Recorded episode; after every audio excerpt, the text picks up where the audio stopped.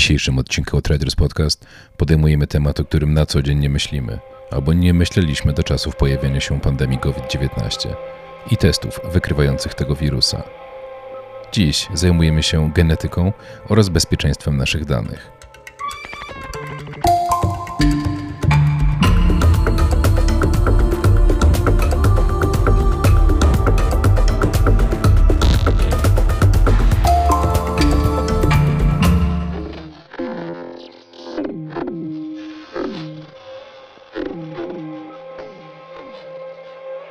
Przeważnie podróżujemy z Wami po świecie, odwiedzamy regiony i dalekie kraje, w których dzieją się sprawy warte przekazania.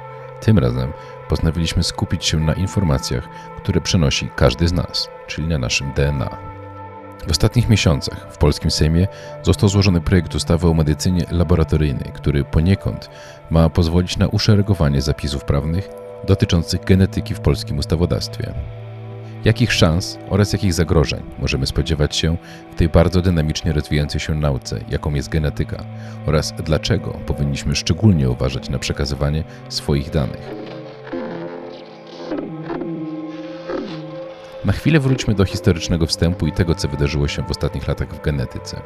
O tym, jak wygląda ostatni rozwój badań genetycznych i co zmieniło się na przestrzeni ostatnich lat, opowiadają nam Kacper Olejniczak z Konfederacji Lewiatan oraz profesor Jan Domaracki, socjolog z Uniwersytetu Medycznego w Poznaniu.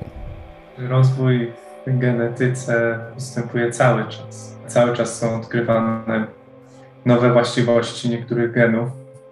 Na przykład można powiedzieć, że takim początkiem nowego rodzaju badań genetycznych był projekt poznania genomu ludzkiego, rozpoczęty w 1990 roku i skończony w 2003 roku.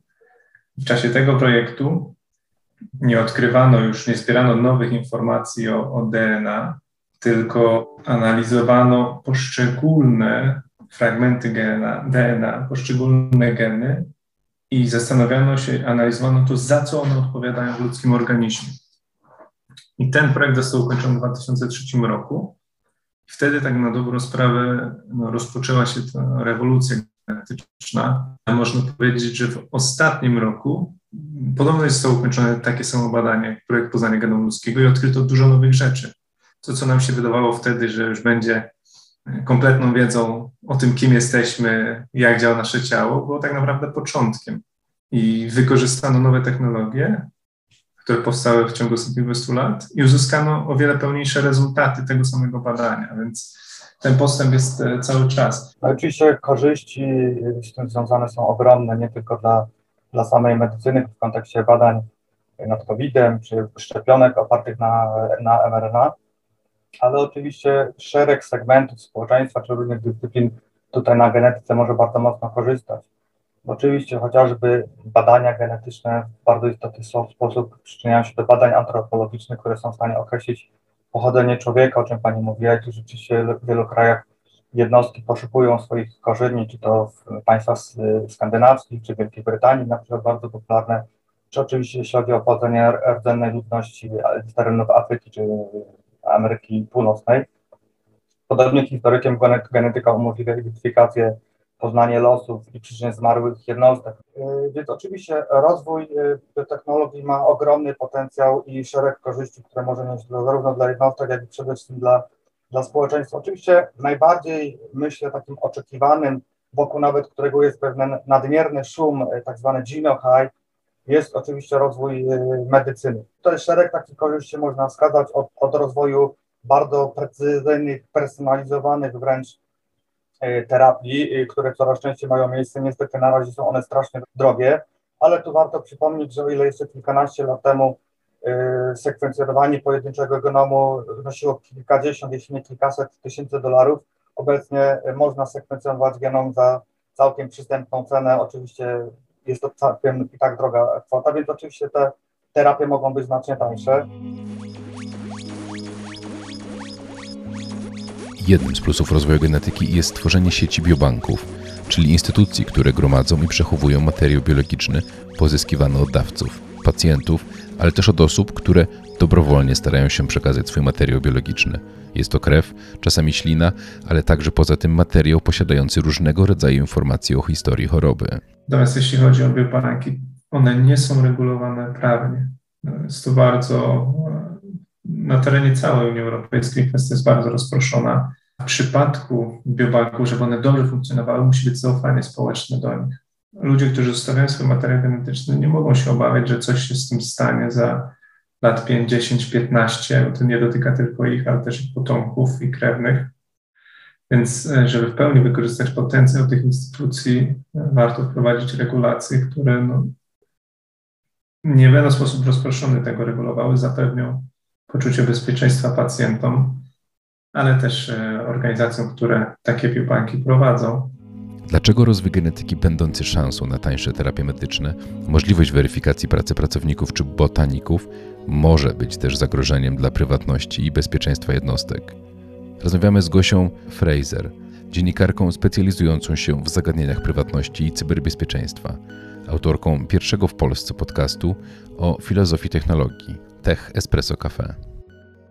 Każda informacja, także genetyczna, krąży, a ostatnie lata i testy wykrywające wirusa SARS-CoV-2 szczególnie rozpopularyzowały testy genetyczne. Jak w czasach przekazywania bardzo różnych informacji zrozumieć, co dzieje się z naszymi próbkami DNA? Przede wszystkim należy zdać sobie sprawę z tego, że DNA to jest rzecz unikalna dla nas, dla każdego człowieka. To jest ultimatywna forma danych biometrycznych. Dane biometryczne to jest specjalna kategoria danych, która jest również szczególnie chroniona, jeśli chodzi o regulację e, ochrony i przetwarzania danych. Ta branża komercyjnych testów genetycznych, bo o to tutaj chodzi, ona się rozwinęła e, bardzo szybko, przede wszystkim w USA. I to są takie pakiety do wykonania testu w domu. W USA to w ogóle nie jest w żaden sposób na przykład regulowane. Takie zestawy, one są wyjęte spod e, regulacji Agencji do Spraw Żywności i Leków i nie są też w ogóle testowane przed dopuszczaniem ich na rynek, bo nie są uznawane za e, produkt medyczny. Ta próżnia regulacyjna, ona pozwala na nadużycia, bo możemy mieć do czynienia z rzeczami takimi jak na przykład przekazywanie tych danych, które firmy zajmujące się komercyjnymi testami zgromadzą, choćby do krajów trzecich, których w ogóle nie podejrzewamy jako miejsce docelowe, do którego trafiają nasze dane. Zajmowałam się na przykład kwestią testów prenatalnych, które e, były oferowane przez firmę z USA, mającą również swoje oddziały w Europie. Jednak to są testy, które y, wysyłały dane, czy też ta firma mająca w Europie i w Stanach swoje oddziały, ona wysyłała po prostu dane kobiet, które tych testów używały do Chin. Co zrobiły z tym Chiny? Zbudowały sobie gigantycznych rozmiarów bazę danych z informacjami medycznymi o kobietach ze Stanów Zjednoczonych i z Europy. I ta baza danych spokojnie może być e, uważana za zbiór, który może być wykorzystywany do celów wywiadowczych. Dlaczego? Dlatego, że ona pozwala na mapowanie stanu zdrowia dużej części populacji. Ona pozwala na dowiedzenie się, w jaki sposób obecnie kształtują się problemy zdrowotne kobiet, które są w ciąży, jak i też płodów, które e, te kobiety w sobie noszą i to są jak najbardziej działania, które mogą przynieść wielkie korzyści nie tylko państwu środka, ale też każdemu, kto by takie dane w dużej ilości skupował i je analizował. Oprócz ryzyka dotyczącego bezpieczeństwa danych zdrowotnych wybranych grup społecznych, zwraca się także uwagę na możliwe dyskryminacje społeczne. Do takiego przypadku doszło w wyniku przeprowadzonych badań na grupie rdzennych Amerykanów, badanych ze względu na skłonność do cukrzycy. Wyniki wskazały na predyspozycję całej grupy społecznej do zachorowania na schizofrenię. Późniejsze opublikowanie tych badań spowodowało spór sądowy między badanymi a badaczami. O innych potencjalnych ryzykach związanych z edycją samego genomu opowiada Kacper Olniczak z Konfederacji Lewiatan. Ryzyk jest bardzo dużo. Genetyka rozumiana bardzo szeroko, bo już z genetyki powstało, wywodzi się kilka innych dyscyplin naukowych, węższych rozumiana bardzo szeroko, dotyka kwestii bioetycznych, więc tu zawsze są e, pewne ryzyka. Natomiast jeśli mówimy o genetyce, to mówimy z jednej strony o sekwencjonowaniu genomu, czyli o diagnostyce, badaniu tego, jak nasze geny, nasza struktura genetyczna wpływa na nasz organizm i na nasze zachowanie, ale także możemy mówić o temacie coraz bardziej popularnym, czyli o edycji e, naszego DNA, edycji genomu. No i z tym tematem e, wiążą się o wiele większe ryzyka niż z zagadnieniami diagnostycznymi, które już są o wiele lepiej poznane. Co to znaczy edycja genomu? E, zmiana, zmiana genomu, usuwania, usuwanie pewnych, pewnych fragmentów DNA. Polega ona na tym, że część genów, które wiemy, że są no, teoretycznie szkodliwe, mogą zostać usunięte z naszego DNA. Był głośny przypadek chińskiego naukowca, który usunął fragment DNA dwójki dzieci, jeszcze nienarodzonych dzieci, których rodzice byli nosicielami wirusa HIV. I usunął ten fragment DNA z tego powodu, żeby dzieci nie zachorowały na, nie otrzymały po prostu wirusa HIV i nie rozwinęły AIDS. Tylko, że problem jest taki, że ta metoda edycji genomu, no my tak naprawdę jeszcze do końca nie wiemy, na ile ona jest precyzyjna. Czy ona usunie jeden gen, czy ona może usunąć na przykład 10 genów, które są obok siebie. Też ten projekt poznania genomu ludzkiego przeprowadzony ponownie w ostatnich latach pokazuje, że duże fragmenty DNA, które wcześniej uważane były za tak zwane DNA śmieciowe, bo tam nie było genów e, według naszej wiedzy. Okazuje się, że nie są DNA śmieciowym, tylko są bardzo ważnym fragmentem DNA, który reguluje to, jak inne geny funkcjonują. Więc jeśli usuwamy fragment DNA, może się okazać, że on odpowiada za, za to, czy dana osoba jest w stanie e, rozwinąć chorobę AIDS, mając wirus, e, wirusa HIV, ale prawdopodobnie może mieć też inne funkcje.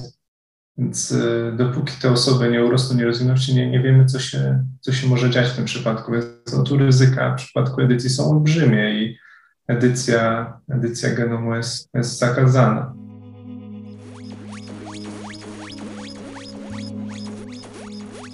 Profesor Domaracki zwraca uwagę na społeczny aspekt, jaki wiąże się z dynamicznym rozwojem genetyki. Nawet jeśli te lęki w pewnej mierze są e, nie do końca uzasadnione i racjonalne, i tu warto przypomnieć, że y, trochę dygresyjnie, że każda nowa technologia wzbudza lęk społeczny. Przypomnę, że ludzie panicznie bali się traktorów, y, bano się nawet ziemniaków, oczywiście ziemniak nie technologią, bano się komputerów i tak dalej.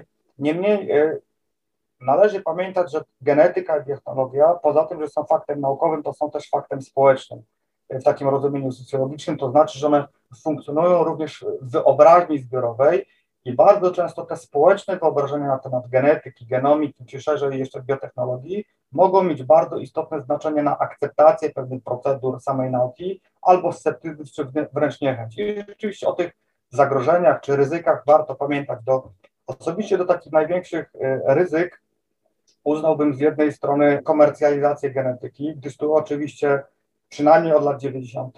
genetyka oprócz tego, że jest wspaniałą nauką, to nie ma co ukrywać, że jest też gigantycznym biznesem i istnieje wiele firm e, biotechnologicznych, często o podłożu prywatnym, na to zresztą doskonałym przykładem był wielki wyścig o sekwencjonowanie genomu, gdzie ścigało się przedsiębiorstwo państwowe razem z prywatną, e, prywatną korporacją, która bardzo szybko patentowała odkrywane swoje geny. No i tu rzeczywiście jest bardzo duży problem, kto będzie czerpał korzyści z rozwoju biotechnologicznego, genetycznego. Musimy oczywiście pamiętać, że rozwój badań genetycznych to są gigantyczne pieniądze i gigantyczne inwestycje i każda firma ma prawo czerpać z tego tytułu korzyści.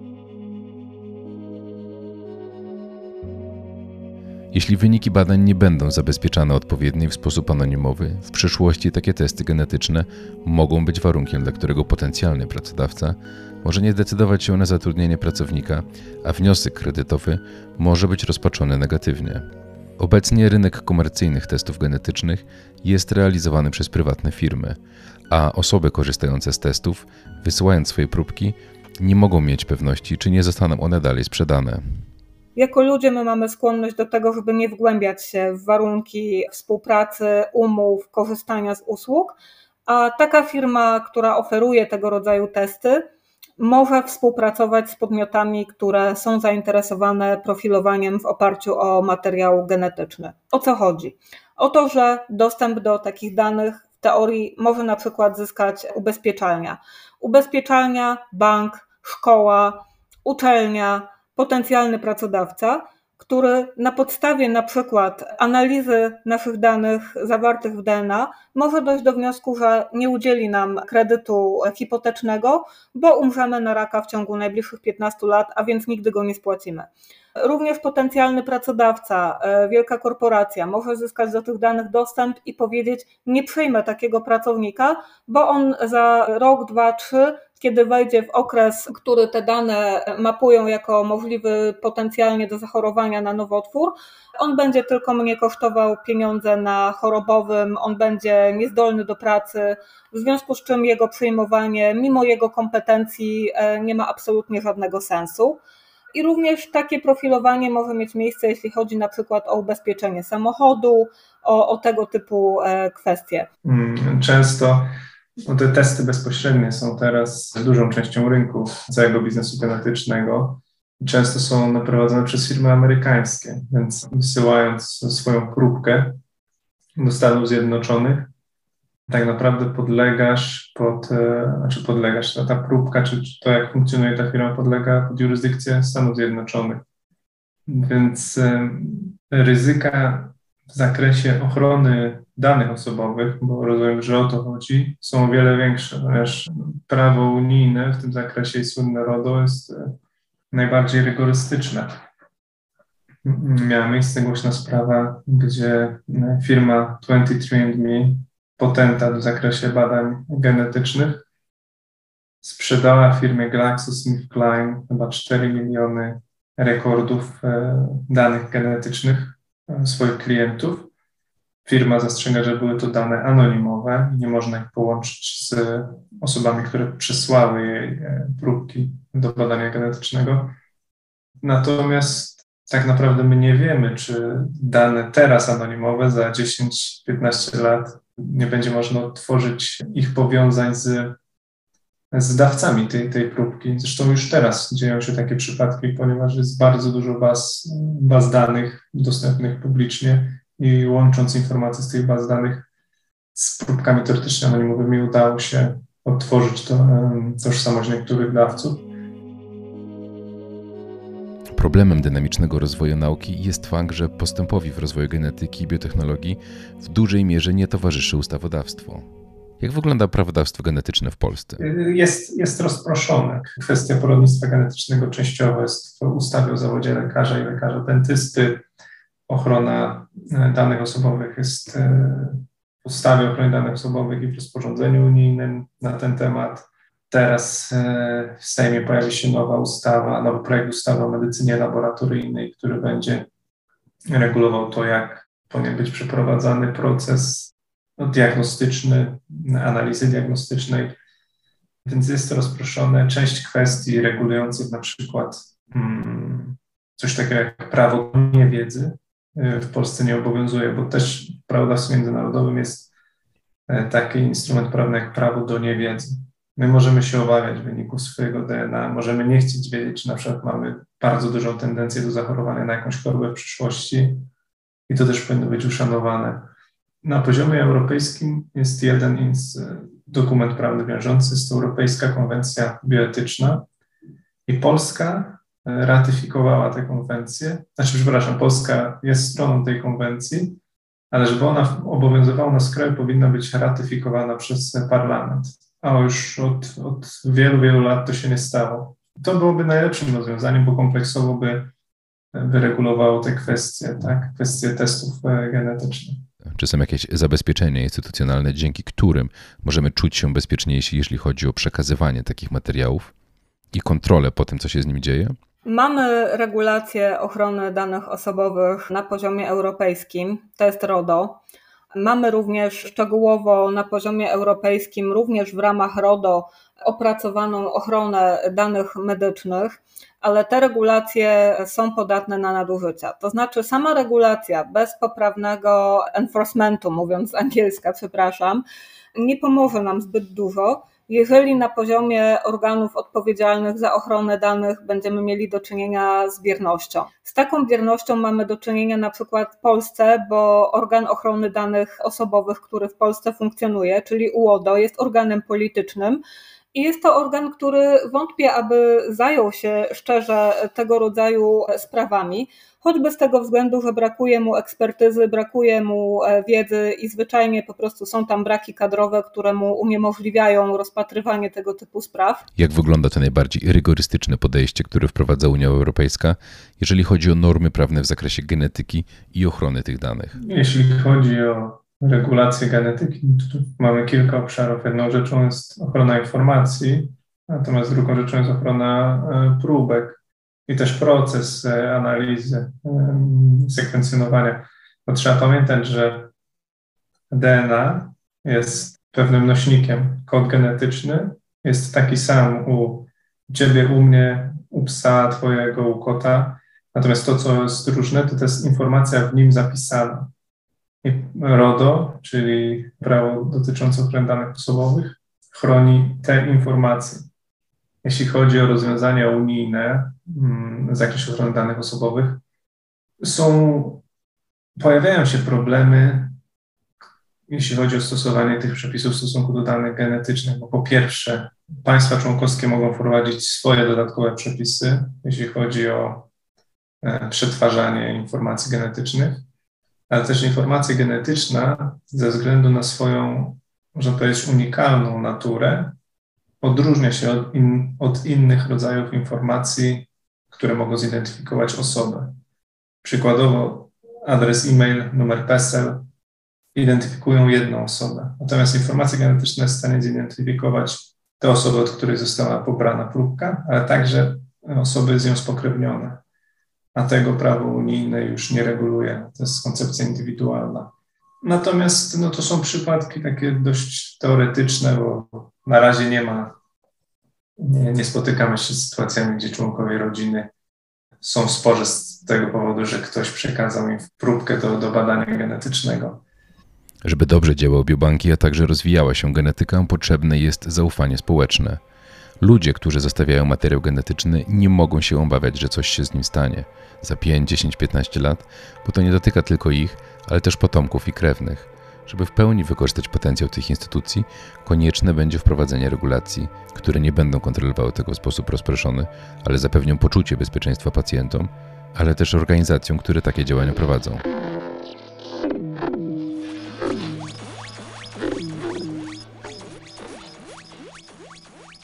To był kolejny odcinek Outriders Podcast. Jak widzicie, pracujemy nad wieloma epizodami jednocześnie. Te odcinki środowe wymagają zawsze dużo czasu i przygotowania, także my z reguły mamy rozkopane 3 czy 4 odcinki. Dosłownie dwa dni temu mieliście pierwszy niespodziewany odcinek z Ukrainy, bo cały czas jesteśmy tutaj i pracujemy nad tymi specjalnymi odcinkami, po które tutaj właściwie przyjechaliśmy. Bardzo dziękuję wszystkim, którzy w ostatnim czasie dołączyli do grona naszych patronów i patronek. Fajnie, że jest Was coraz więcej, to naprawdę bardzo miłe uczucie. Dziękuję w imieniu swoim, dziękuję w imieniu Zuzanny Olenicza, która produkowała ten odcinek oraz Justyny Goc z Sounds and Stories, która go realizowała. Słyszymy się pewnie już bardzo niebawem, a na pewno w kolejną środę o godzinie 8 rano.